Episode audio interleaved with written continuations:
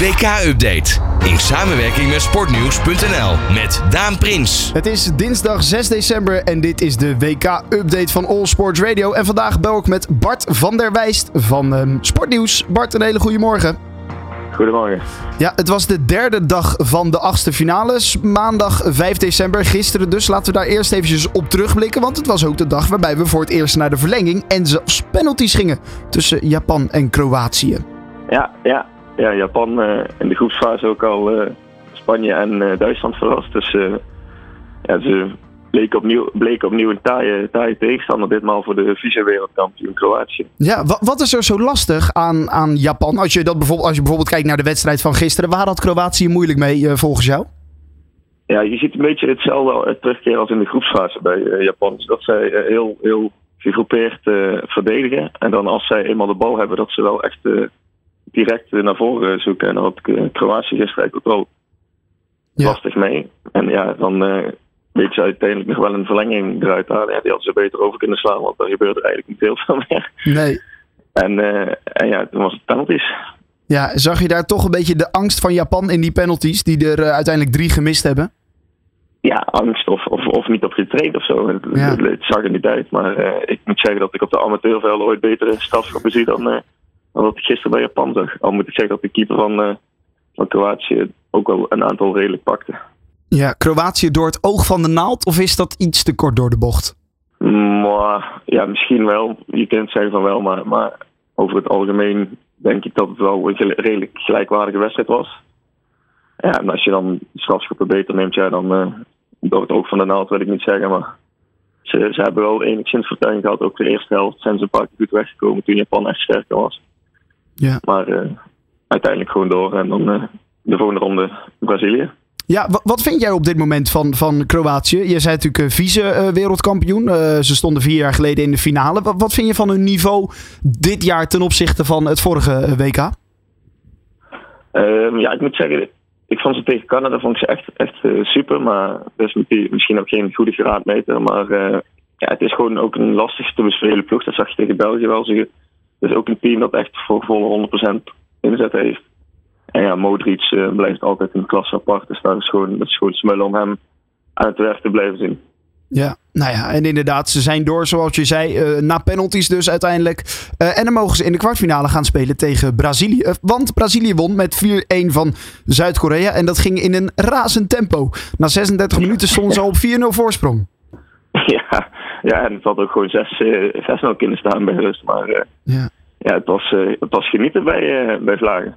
Ja, ja het, het, het is een geweldig team met natuurlijk ongelooflijk veel goede spelers. Eh, kampioenskandidaat kunnen we denk ik wel zeggen. Inmiddels toch wel zeker na deze wedstrijd. Ja, zeker, zeker, zeker. Nu, zeker nu naar Mart terug is, dan ze waren gisteren lekker aan het, aan het swingen. Op en naast het veld. Ik weet niet of de tegenstander er ook zo blij mee was, maar het, zag er, het zag er leuk uit om naar te kijken. Ja, daarom. Eh, ja, Zuid-Korea, ja, had, had je daar iets meer van verwacht? Of was dit wel ook wat je verwacht had van de wedstrijd? Mm, ja, ik had al iets meer ja, verwacht, weet ik niet, maar misschien wel gehoopt. Ja. Maar eh, ja, het, ging, het ging zo snel. Ja, en dan zie je dat de tweede helft, dan kan eh, Brazilië lekker rustig aan doen. Zelfs nog de derde keeper erin brengen. Zodat iedereen een minuut heeft gemaakt. Dus dat tekent wel eigenlijk aan hoe, hoe makkelijk het ging voor hen. Ja. Eh, dan is eh, de, de kwartfinale eh, Kroatië-Brazilië. Ja, wie van die twee is dan de sterkere volgens jou? Ja, Brazilië is natuurlijk wel de sterkste, maar Ja. Kroatië heeft al in het verleden bewezen dat het gewoon een, een lastige tegenstander is, ook voor, ook voor Frankrijk. Eh, ook tijdens de recente Nations League bleek het een, eh, een lastige tegenstander. Dus eh, ja, dat is niet zomaar een walkover net als tegen Zuid-Korea. Oké, Dus daar kan misschien nog een verrassingje in zitten. Ja, het, het blijft het WK. Dus eh, op een gegeven moment, misschien gaan de zenuwen ook wel in de benen van de Brazilianen zitten of, of andersom, je weet het niet. Dus het wordt in ieder geval een, eh, een interessante wedstrijd. Oké, nou mooi. Eh, laten we dan eventjes vooruitblikken op de wedstrijd van vandaag, dinsdag 6 december. Om 4 uur vindt de wedstrijd Marokko-Spanje plaats. Marokko wat met een heel goed WK bezig is. Ehm, ja, en Spanje ook volgens mij, denk ik misschien wel de spannendste wedstrijd van de achtste finales.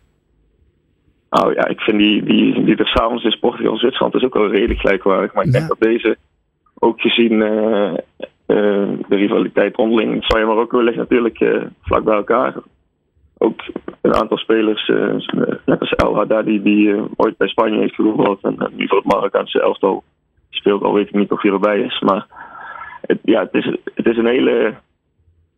Ja, moet zeggen. Het is, ik denk wel dat het een spannende wedstrijd kan worden. Zeker als je ziet wat Marokko in de groepsfase heeft gepresteerd.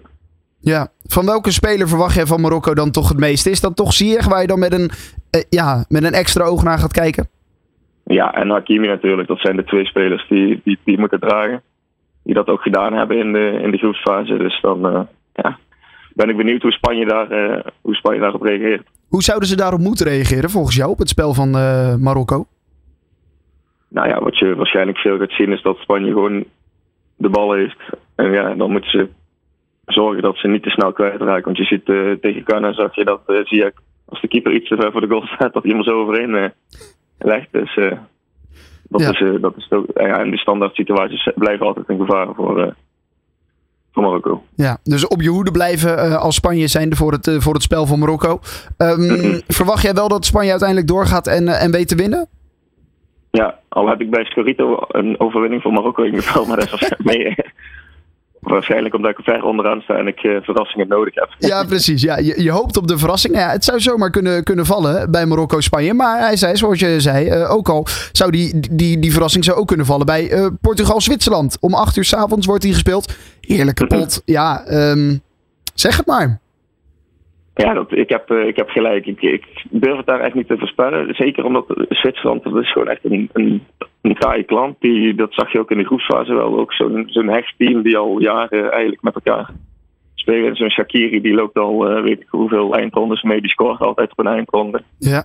Dus ja, dat, is gewoon lastig, lastig om te zien wat, wat Portugal daar tegenover kan. Maar je, ja, je hebt natuurlijk de individuele kwaliteit daar.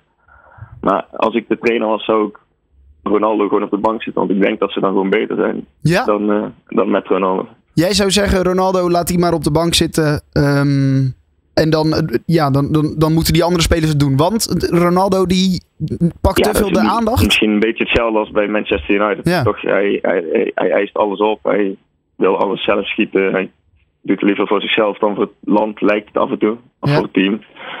Maar uh, ja, je hebt daar zoveel klasse spelers rondlopen. Bruno Fernandes, Bernardo Silva. Voorin ook een hoop goede.